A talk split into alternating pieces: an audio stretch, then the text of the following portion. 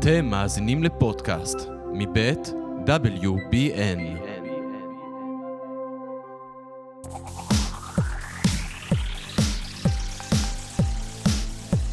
לא היינו פה זמן מה. אה, נסענו סביב העולם, עשינו תקופה קצת עמוסה, המוניציפלי חזר, נדבר על זה תכף.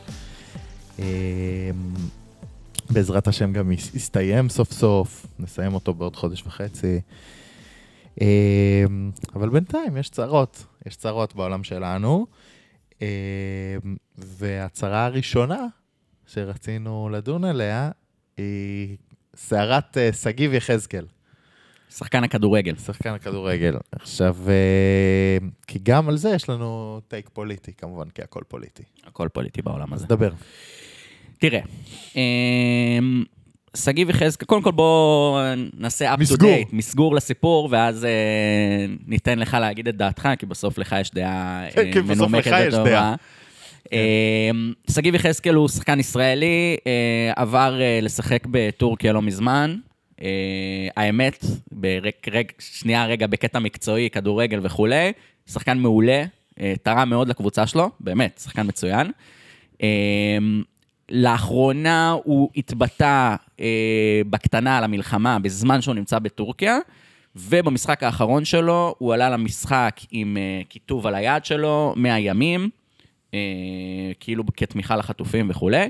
מרגע שזה קרה, סערה בטורקיה, שר המשפטים מבקש אה, לקחת אותו לחקירה, לוקחים אותו לחקירה, ואז אה, כמה שעות אחרי זה הוא כבר במטוס חזרה לישראל. אז בוא נשמע את דעתך בנושא. אחרי שהוא בילה לילה במעצר. בילה לילה במעצר. עכשיו, אני, אה, ש... כאילו, בוא, אם ננתק רגע את ה... כאילו, שערורייה, לילה במעצר לכדורגלן, זה דבר שהוא באמת יוצא דופן וצריך להרד את אמות הסיפים. וזה מוביל אותי לסוגיה של, של הקשר בין עולם הספורט לבין פוליטיקה. כי הדבר הפופולרי והקל להגיד תמיד, הוא שצריך לנתק ספורט מפוליטיקה, ופוליטיקה וספורט הם לא הולכים ביחד. אני חושב שהמציאות הוכיחה שיש מקומות, שישראל היא לא שווייץ, ויש מקומות שאי אפשר לנתק ספורט מפוליטיקה, אנחנו לצערנו מקום כזה, ולכן אנחנו צריכים להתחיל להתנהל גם בזירה הספורטיבית באופן מקצועי, הסברתי, של יועצי תקשורת, ולרכז מאמצים כדי להבין איך אנחנו מתמודדים עם עולמות הספורט. יש טורנירים שמחרימים אותנו, יש טורנירים ש- שיש לנו בעיה להגיע אליהם, ויש לנו סיטואציות כאלה עם שחקנים שלנו, שבמקרה הזה לא מייצגים אותנו כי הם לא בשם הנבחרת, אבל הם כן מייצגים אותנו באיזשהו אופן בגלל המצב שלנו ובגלל הסיטואציה הישראלית, והם חייבים לקבל מענה ממדינת ישראל ומההתאחדות הישראלית לכדורגל. ולח... ואגב, וממשרד הספורט. ואני חושב שזו הייתה קריאת השכמה לעובדה שזה שעולם הספורט הישראלי, אחרי כל כך הרבה שנים, גם הוא אגב כחלק מהקונספציה, העדיף לא להתעסק בפוליטיקה ולא לגעת במשברים תקשורתיים ולא לנהל את הסיפור הזה, אנחנו עכשיו מבינים עד כמה המצב הזה הוא מסוכן לא כמילה תיאורטית, הוא ליטרלי מסוכן לבני אדם. כן. וצריך להגיד, זה, זה, זה ממש יכול להיות רק ההתחלה. אנחנו ראינו, אתה יודע, אנחנו ראינו סניפיץ קטנים כאלה מדי פעם, שהרשות הפלסטינית מבקשת להעיף את ישראל מפה ושם, ויש דברים שלא זה. אבל אם אנחנו מסתכלים על רוסיה והמצב שלה בעולם הספורטיבי, וזה שספורטאים שלה מוחרמים מכל מיני טורנירים, וזה שספורטאים שלה לא משחקים בזה, ואסור להם ללבוש את הדגל וכולי, זה בהחלט משהו שאם לא נעבוד עליו, יכול לקרות גם לנו. אה, אם דעת הקהל העולמית אה, תתהפך עלינו וכולי, ואנחנו לא נצליח להסביר את עצמנו. זה מצב שבו תידרש עבודה תקשורתית מאוד מאוד משמעותית של ישראל כדי למנוע משברים כאלה, והיא לא לכן- קיימת כרגע. לכן ההתאחדות לכדורגל חייבת להקים באופן בהול גוף שמטפל בנושא התקשורתי, שמנהל משברים תקשורתיים, שיודע לעלות בדקת קריאה לניהול משבר תקשורתי, כי משברים תקשורתיים כאלה, כמו שראינו עם שגיב יחזקאל, קורים מהרגע להרגע. והאדם חגג גול, ו-45 דקות אחרי זה הייתה, היה נגדו צו מעצר. אמ, ועולם תקשורתי, פוליטי, כמו שאנחנו חיים, יודע שלאירועים כאלה אתה מגיב מיד. גופים בירוקרטיים שאין להם ניהול משברים כאלה, לא מגיבים מיד. עכשיו, ההתאחדות לכדורגל ומשרד הספורט ומשרד החוץ עשו את המאמצים כדי להטיס אותו בחזרה לארץ, בטיסה מיוחדת והכל, אבל, אבל הסיפור הוא לא איך אתה מנהל את זה דיפלומטית, אלא איך אתה איך אתה ממצב את עצמך, ויש הרבה פתרונות, כן? אה, דיברנו על זה פה, אפשר, יש הרבה שחקנים זרים ששיחקו בישראל בטורנירים שונים, או שיחקו בישראל בקבוצות כדורגל, כדורסל, whatever, וישמחו לייצג את ישראל בעולם ברמה הסברתית, ולדבר על זה, ולהיות איזושהי קבוצה שמוכנה בדקת קריאה להוציא גינויים לכל מיני אירועים. יש אה, קבוצות ספורט שאפשר לייצר איתן שותפות מסוימת, שותפות גורל. יש לך ליגיונרים ישראלים בחו"ל. צריך לייצר איזשהו מערך שיודע לעבוד תקשורתית ולנהל משברים תקשורתיים, כי גם בעולם הספורט יש משברים תקשורתיים. כן, ואתה יודע, אמ, בסוף אה, הוא חזר לארץ, ברוך השם, והכל הסתדר, והייתה פעולה דיפלומטית אה, מאוד מאוד יפה, אבל צריך להגיד שברמה התקשורתית לא ראינו פה איזשהו מאמץ... אה, לא הייתה הברקה. לא הייתה איזה הברקה, לא היה איזה משהו שראינו ואמרנו, וואו. אגב, אפילו ברמת הנגטיב, אתה יודע, כאילו, טורקיה עוצרת שחקן ישראלי על השטח שלה, צריכה להיות איזושהי תגובה אה, תקשורתית מרתיעה, במרכאות, כדי ל... לגרום למדינה הזאת להבין שהיא עשתה משהו לא בסדר. גם העולם צריך לדעת. מה עם, מה, איפה, איפה כל השחקנים הזרים האחרים שמשחקים בטורקיה? למה אנחנו לא כותבים מה איתם? למה אנחנו לא מדברים על, על זה שהם יכולים לקום בבוקר ולהיעצר? למה זה לא הכותרות אצלנו? למה זה לא מה שאנחנו מדברים עליו מול אנשים טורקים וכולי ב, ב, בכל מיני מקומות? זה, זה אירוע מאוד מאוד משמעותי, שיש לו סיכוי לדרדר, לדרדר את הליגה הטורקית ואת הספורט הטורקי. ואנחנו לא מנצלים את זה כדי לעשות נגטיב גם. אגב, אני רוצה גם להגיד לך עוד משהו, יש פה אירוע שהוא בעולם הטורקי מעניין, ובעולם הישראלי מעניין, אבל הוא צריך להיות מעניין ברמה העולמית. לגמרי, ברור. הוא סיפור עולמי. כן, הוא סיפור כן. בינלאומי שתופס כותרות נרחבות בישראל וכותרות נרחבות בטורקיה, ותו לא, וזאת תקלה. תשמע, זה, הליגה הטורקית זה ליגה מאוד מאוד בכירה באירופה, אה, קבוצות משתתפות בכל המפעלים האירופיים. אה, שחקנים מאוד מאוד מאוד טובים מוצאים את עצמם בטורקיה, זאת ליגה שבעלייה מתמדת. וכאילו הסיפור הזה עבר, ואין הד אמיתי סביב זה. אם זה היה קורה, להבדיל, בישראל, ששחקן זר היה נעצר על נגיד משהו שהוא... תאמין לי שהיינו, שכל העולם היה שומע על זה. צריך פה עבודה. זה, זה משהו ש... תשמע, יש בעניין הזה של תקשורת, במיוחד תקשורת בינלאומית, משמעות מאוד מאוד גדולה לנושא ההרתעה, זה לא רק בנושא צבאי. להבין שאם עושים מעשה דיפלומטי שפוגע במדינת ישראל, היא תפעל נגדך ברמה הציבורית.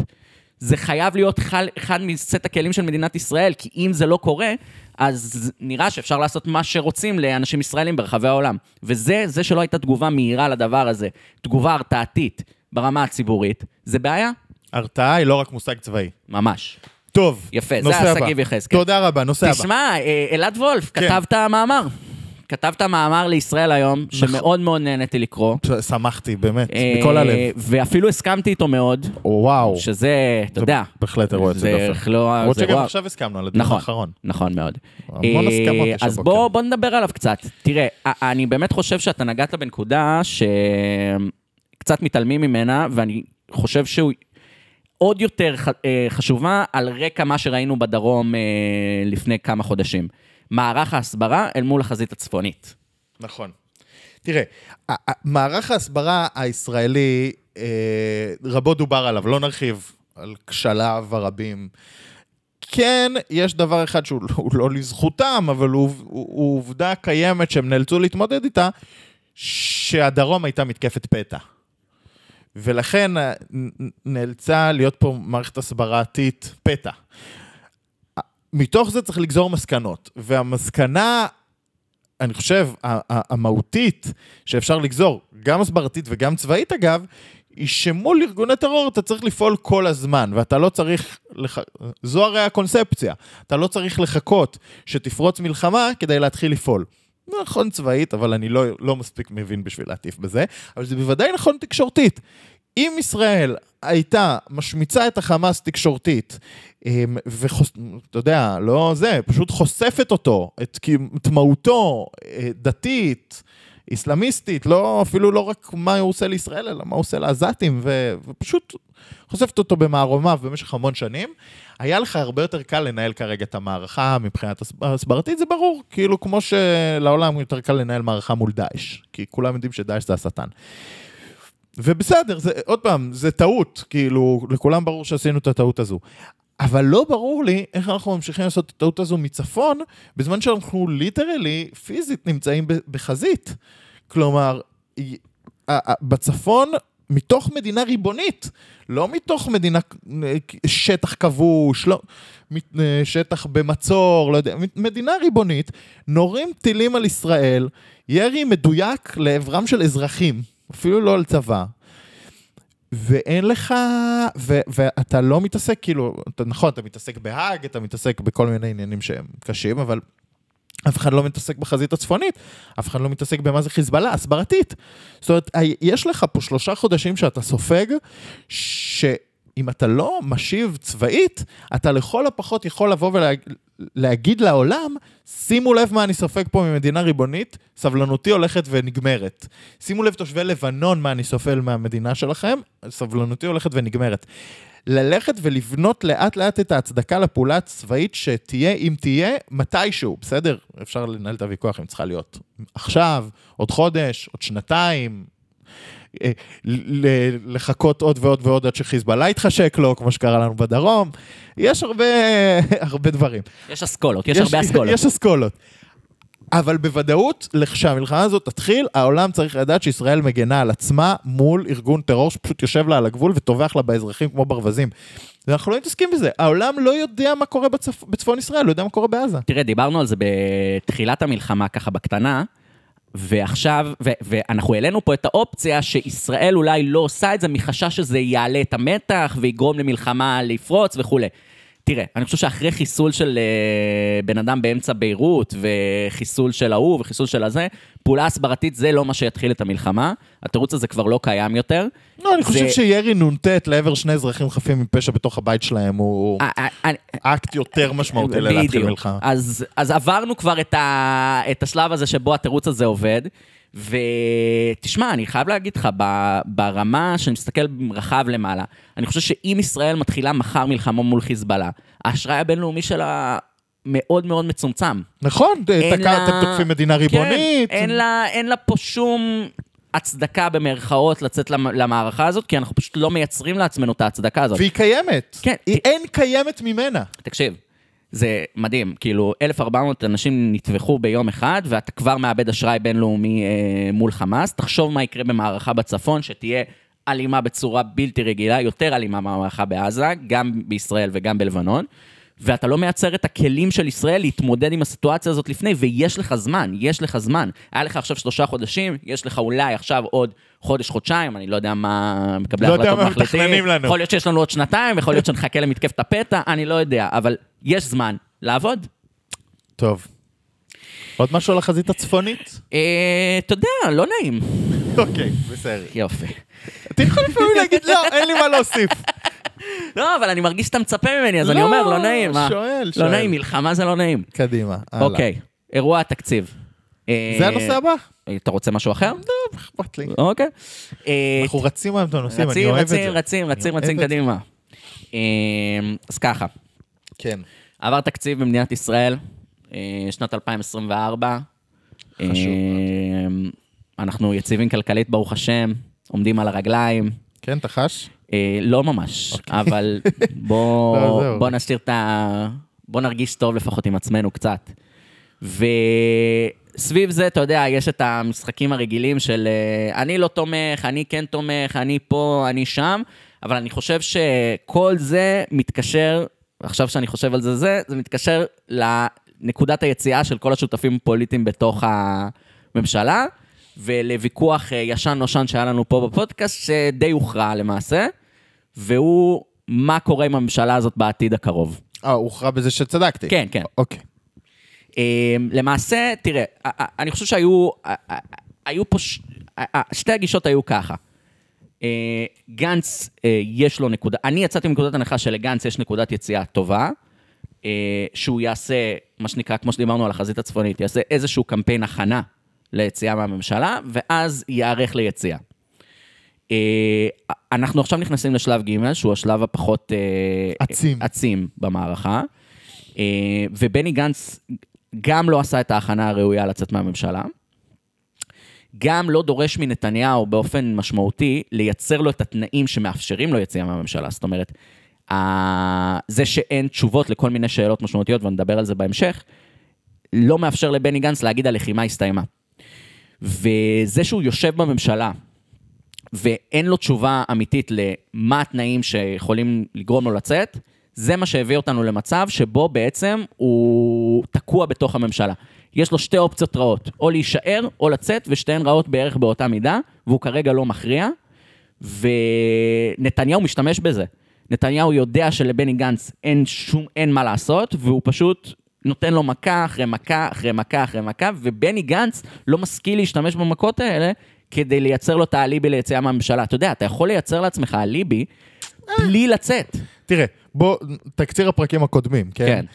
אמ, גנץ, אה, שישי לאוקטובר, חזק מאוד בסקרים, נק טו נק לנתניהו, מתחיל לשאוב אותו סביב המהפכה המשפטית, קורית מתקפת הפתע בשביעי לאוקטובר, מהפכה המשפטית זזה הצידה, נתניהו סופג מכה מאוד קשה בדעת הקהל, אה, הציבור קורא לממשלת אחדות, גנץ עושה את המעשה הפוליטי החכם בעיניי, אבל הכל כך מסוכן, ונכנס פנימה לתוך הממשלה, ואז ברגע אחד אה, הכוחות במדינת ישראל משתנה, גנץ הופך להיות המועמד מוביל לראשות הממשלה בפער, מזנק בסקרים למספרים שלא זוכר, מאז קדימה אולי לא ראינו מפלגה בכאלה סדרי גודל, והליכוד גם הגיע למה שהוא הגיע בתקופת קדימה.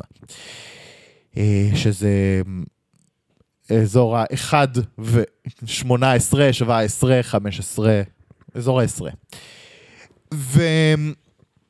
ומתוך זה, יש פה את הדילמה הכי קשה שגנץ היה יכול להגיע אליה. כי גנץ למעשה קנה את עולמו וסיבך את עולמו בו זמנית. היה לו מאוד נוח בתוך המהפכה המשפטית להיות אופוזיציה, אך ממלכתית. והכניסה שלו לממשלה, ופה דיברנו על זה רבות, יצרה לו מצב שמצד אחד זה הזניק אותו נורא נורא בסקרים, כי זה היה הדבר האחראי לעשות, ומצד שני אין לו אופציית יציאה, וכשאתה בתוך ממשלה עם נתניהו, אתה יכול תמיד רק לרדת, אין לך שום אפשרות אחרת. כי כי ככל שהממשלה הזאת נגיד מעבירה תקציב שהוא בעייתי, ויש לחץ אופוזיציוני מאוד מאוד מובהק נגד הממשלה הזאת, ותכף נדבר על הלחץ האופוזיציוני הזה, גנץ הוא חלק מהממשלה. וככל שאיתמר בן גביר מפטר את uh, נציבת שירות בתי הסוהר ושם מקורב שלו במקומה, זה עליך. ו- ולגנץ אין מצד, מצד השני את היכולת לצאת. כי אם גנץ היום יוצא מהממשלה, הוא נתפס כמי שיצא מהממשלה בזמן המלחמה, פירק את האחדות, מאבד את כל הקרדיט שלו על הכניסה לממשלה.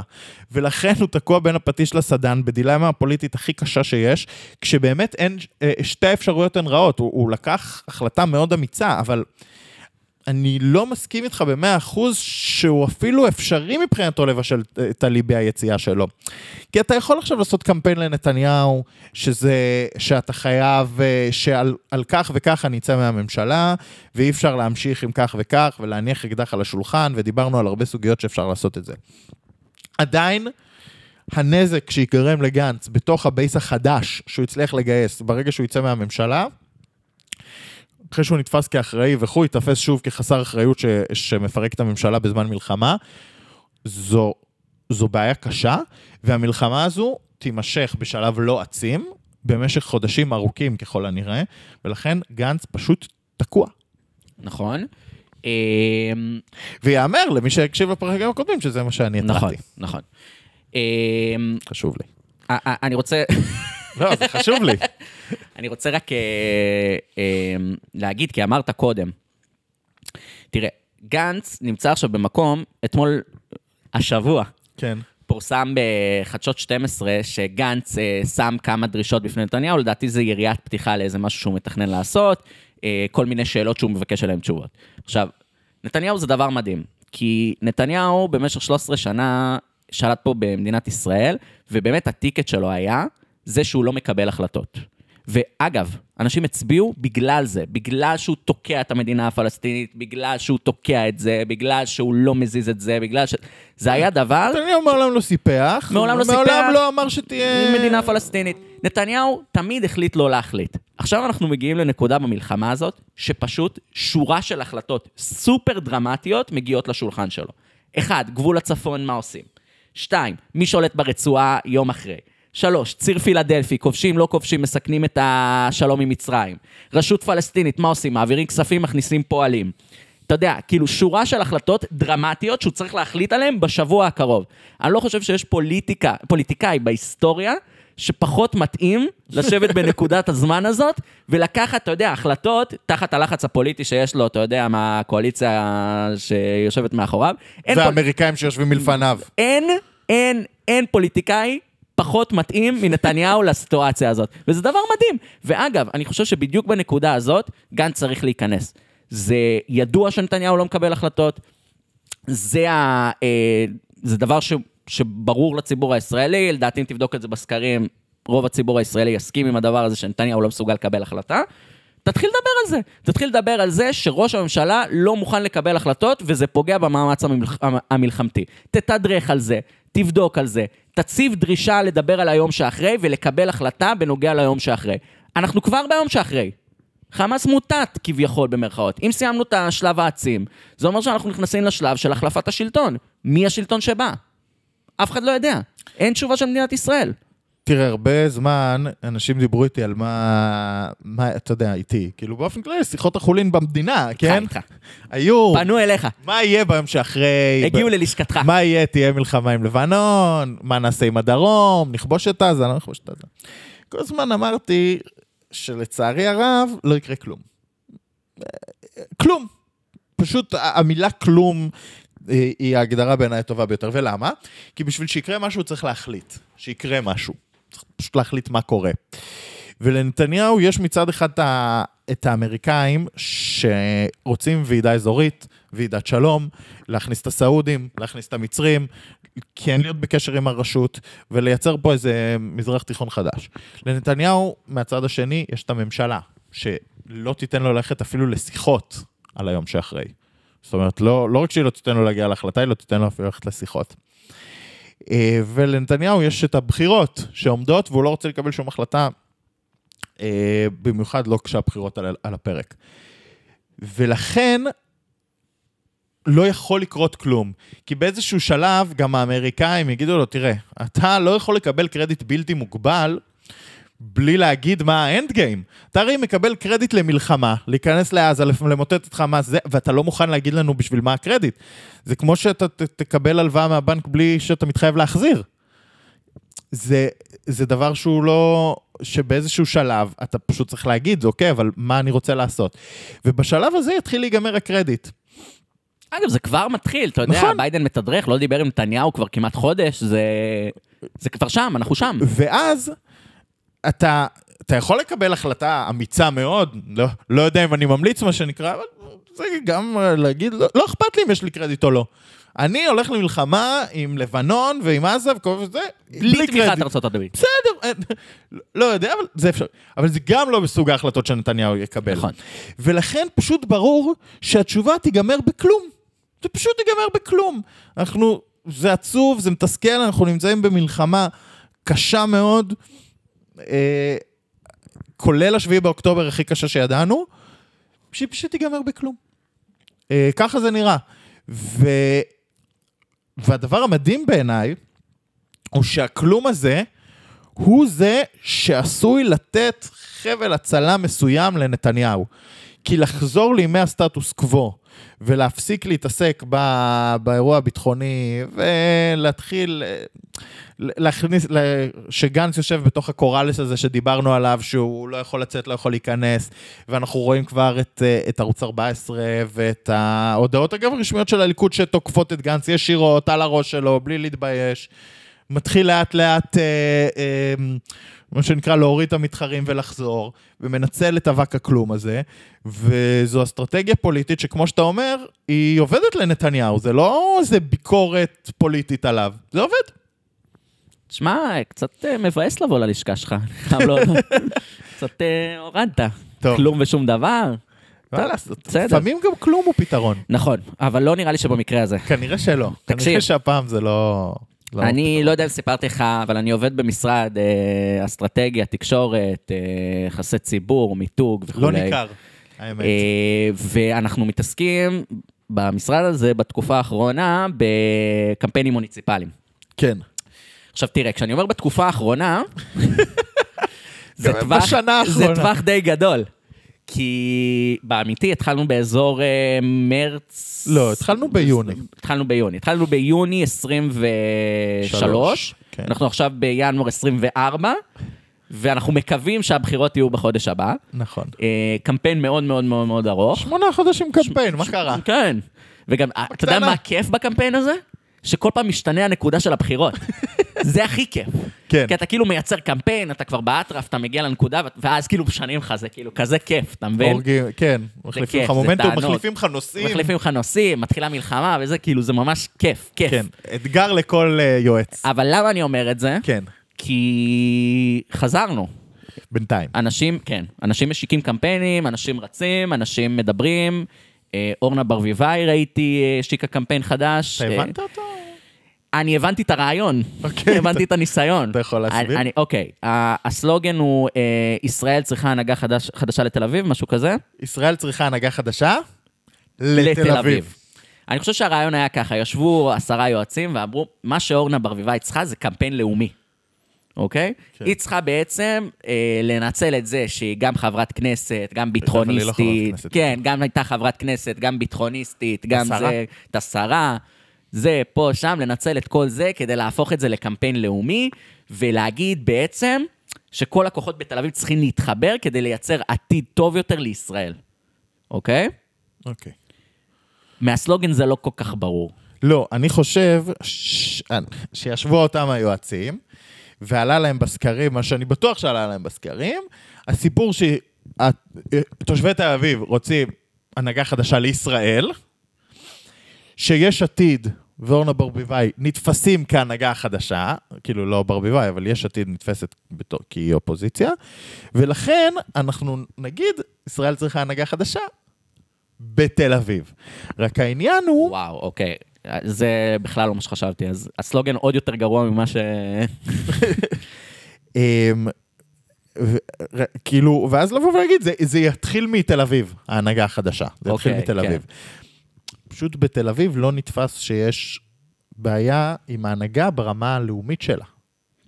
ואפילו להפך. כאילו, אה, אה, מי שמחפש הנהגה חדשה לישראל, זה לא אנשים שיש להם בעיה עם ההנהגה בתל אביב, לת- לתפיסתי, ל- להערכתך, להערכתי. אני לא, לא בדקתי. להערכתך לא בדוקה. לא, לא, לא בדוקה. אני מרגישים את אה, הלך הרוח. בדיוק, נותן לחוש את זה. לכן לא, לא הבנתי את הקמפיין. אבל זהו, אבל זה לא רק, ב, לא רק בתל אביב, זה קורה. אמ, קודם כל צריך להגיד את האמת, ה- מה שישבנו והתרענו פה, שדחיית הבחירות היא אקט פופוליסטי ומטומטם, אה, קרתה. אגב, נזכרתי. בבקשה. זוכר שלפני הזה דיברת על זה שאתה, שדיברנו על הסטטוס קוו של נתניהו, מה שדיברנו עליו עכשיו, אמרתי, יש עוד נושא שזה יושב לי בו, נכון, הסטטוס קוו נכון, שלנו נכון. להחליט. עכשיו נזכרתי. הבחירות המוניציפליות. הבחירות המקומיות, כי הרי מה קרה פה? שים לב, זה פשוט מתחבר לנושא הקודם שלנו בצורה מטורפת. היו אמורות להיות בחירות בסוף ינואר. ישבו על נתניהו ראשי הרשויות ואמרו לו, ממש אל תדחה את הבחירות. עכשיו, זה ברור למה, כי עכשיו יש לנו, נניח והבחירות היו בסוף ינואר, הן היו מתקיימות עוד שבועיים, הקמפיינים מתחילים רק עכשיו בעצם, אה, אז היה לך שבועיים לרוץ, וראשי הרשויות, כאילו, שבזמן המלחמה הפופולריות שלהם מאוד עלתה, היו פשוט חוטפים את הבחירות, מנקים אותם. סוגרים את הסיפור. אז הם רצו את הבחירות עכשיו. היה קרב ציבורי שאמר לנתניהו, שאמר כאילו על הממשלה, ואגב, סמוטריץ' הוביל אותו, זה פגיעה בחיילי המילואים, תדחו את הבחירות. אי אפשר לעשות בחירות בזמן שישראל נמצאת במלחמה. חיכו לשעות, שלוש שעות האחרונות, בערך חמש שעות האחרונות, לפני שהיה צריך להודיע, והודיעו ברגע האחרון על דחייה בחודש. עכשיו, דחייה, ישראל, כוחות המילואים עוד פה, החזית בצפון עוד קיימת, ישראל עדיין מנהלת בחירות בזמן מלחמה. בדיוק אותה מלחמה, כנראה שהיא תנהל בעוד שבועיים, אלא אם כן המצב יסלים. כן. כלומר, יש יותר סבירות שהיה יותר הגיוני מבחינה מבצעית לקיים את הבחירות בסוף ינואר מאשר בסוף פברואר. או לדחות בשנה, שזה מה שאמרנו פעם קודם בפודקאסט, או שאל תדחה או שתדחה בשנה. הרעיון הזה של הדחייה בחודש זה עוד פעם על להחליט לא להחליט הזה. זה לא לדפוק את הראשי רשויות שרוצים עכשיו, לא לדפוק את האלה שרוצים עוד שנה. בוא נדחה בעוד חודש, סתם, דחייה חסרת סתם. משמעות. עכשיו, כשאנחנו נמצאים שבועיים למועד ה... ברור לנו שאין שום, לא הייתה שום מניעה ללכת לבחירות בעוד שבועיים. נכון? לגמרי. להפך, עכשיו מתחיל דילול לקוחות. נכון. מלא אנשים נמצאים בבית, אנשים חוזרים, אתה יכול לשים רגע חתיכה קלפי, לתת לאנשים להצביע, שיחזרו להילחם בלבנון. כן. כאילו, אה, אה, אני באמת לא רואה את ההיגיון בזה בשום צורה. הסברתי לך מה ההיגיון, היגיון כן, היגיון- פוליטי של ועדת. תכנון. כן, כן, כן, כן. פשוט קומבינה פוליטית, הדחייה של הבחירות. אה, בכל מקרה, זה קורה בעוד חודש וחצי. אה, מי שמעוניין... בעזרת השם. כן, בינתיים. ברור. בינתיים. בוא. בינתיים זה קורה בוא. אה, אז יופי, אה, תשמע, יש משהו שהתלבטנו עליו אה, בתחילת הפודקאסט, סוף הפודקאסט, אה, אתה רוצה ללכת עליו, לא רוצה ללכת לא, עליו? בוא, בוא נביא את ה... דיברנו על ה... אני חושב שזה מעניין בהקשר של גנץ. אוקיי. יפה, הנתונים האלה. למה? כי אנחנו דיברנו על זה שגנץ, על, על הבעיה שגנץ יהיה נתון בה, שמצד אחד הוא הביא בייס חדש מעצם כניסתו לממשלה, שיציאה ממנו אה, תעשה לו בעיה, אבל מצד השני, בוא נדבר, מה שנקרא, על הבייס הישן. האנשים שגנץ אה, אמור להיות ראש המחנה שלהם, ראש הגוש שלהם, וזה גוש האופוזיציה. ושם התחילה בשלושת החודשים האחרונים, למעשה מרגע המלחמה, קמפיין מאוד מאוד משמעותי וגדול להדחת נתניהו. וככל שגנץ נמצא בתוך הממשלה, הקמפיין הזה פשוט יחלחל עליו. עכשיו, למה, מה מיוחד בזה אל מול מה שדיברנו עד עכשיו? או, הנתונים. נתונים בלעדיים של משרד WBN, יחידת המחקר שלנו. כן, מחלקת ו- המחקרי data digital כן. שלנו בהובלת אה, כן, לוקה. לוקה אה, ויזוגוד, מקליט תודה רבה. ללוקה. כן. נת, נתן לנו אה, כמה נתונים מעניינים אה, על ההשקעה הכלכלית, ציבורית במטא, מטא זה פייסבוק פלוס אינסטגרם בלבד, לא חוצות, כן. לא לא חוצות, לא טיק טוק, לא... זה. לא יודע מה, רק פייסבוק פלוס אינסטגרם, לשורת עמודים שהוציאו כסף לקמפיין. שים לב לעמודים הבאים, ותנסה ככה לנחש מה, מה- לאיזה כיוון הם מה הולכים? האג'נדה שלהם. סבבה. מחדל 23, הפקרה, מטה המאבק. תתפטר עכשיו, לוחמי 73 במסע להגנת הדמוקרטיה, איבדת את הצפון, ממשלה מופקרת, הופקרנו, בחירות עכשיו, הופקרנו, אה, ואחים לנשק המוכרים לכולנו. אם אתה שם לב לאיזה מכנה משותף של לא... הדבר הזה, כל העמודים האלה הוציאו ביחד בשלושה חודשים האחרונים, שים לב את הסכום, מיליון ושמונה מאות אלף שקלים במטא, פייסבוק. אינסטגרם. זה הסכום. עכשיו, כשאתה מבין את, ה, את המאבק הזה, את הקמפיין הזה ש, שקורה, אני חושב שזה נותן פרופורציה הרבה יותר מובהקת לסיטואציה שבה גנץ נמצא בין יציאה להישארות. יפה מאוד. יש לך משהו להגיד על המספרים גם? הרבה כסף. למה? לא, איפה, למה אנחנו לא ראינו שום דבר מהדבר אני הזה? אני שואל, אנחנו פה. אני שואל, אנחנו כאן. למעוניינים. כן. אה, אה, טוב, בסדר, מה אני אגיד לך? אה, תשמע, אה, עשינו היום, הקלטנו, אני מספר לחברים, הקלטנו יחסית מוקדם. נכון. וזה אומר שיום עבודה שלם עוד לפנינו, ואנחנו נערכים אליו. קיצור, עוד אנחנו פעם אין לך מה להגיד אותו. ואתה לא מסוגל להגיד אנחנו- שסיימת? יש לנו פגישות, יש לנו. דברים לעשות. תודה רבה. בואו נעשה אותם. תודה רבה למאזיננו, אה, תודה על עוד פרק. אה, לשואלים, מתי סקר, מתי סקר. אה, נעשה בקרוב עוד סקר. אני אשמח שתשלחו לנו רעיונות לשאלות שבא לכם שנשאל. חוץ מזה, היה איזה רעיון שהתחלתי לגלגל עם אורי, ואני פותח אותו פה ככה למאזינים. חשבנו, זה פשוט עולה לנו קצת כסף, הסקרים האלה, אתם מבינים? אז חשבנו, היה לנו רעיון, אה, לעשות מעין אה, קבוצה סגורה, מצומצמת, של מאזינים ועוקבים, שנייצר יחד קופה קטנה, אה, ורק מי שיהיה חלק מהקבוצה הזו, שישתתף, יוכל גם לקחת חלק בקביעת השאלות, יוכל לקבל את הנתונים לפני כולם, כאילו נייצר איזה משהו אקסקלוסיבי כזה. קהילה. קהילה, קהילה שממש תקבל, תיקח חלק בבחירת הסקרים והשאלות השבועיות. קיצור, זה רעיון שעלה, לא יודע. anyway, נחשוב, בינתיים- נחשוב אם זה זה. מעניין אתכם, תגידו שזה מעניין אתכם. אם זה לא מעניין אתכם, ומעניין אתכם לקבל, ש... סתם להציע לנו רעיון לשאלת סקר, תציעו. אה, אם שום דבר מה שאמרתי לא מעניין אתכם, בסדר. ביי. בסדר. להתראות, לעשות? תודה שהאזנתם. יאללה, אה, שבוע טוב, סופה שניים, ביי. להיזהר מהגשם.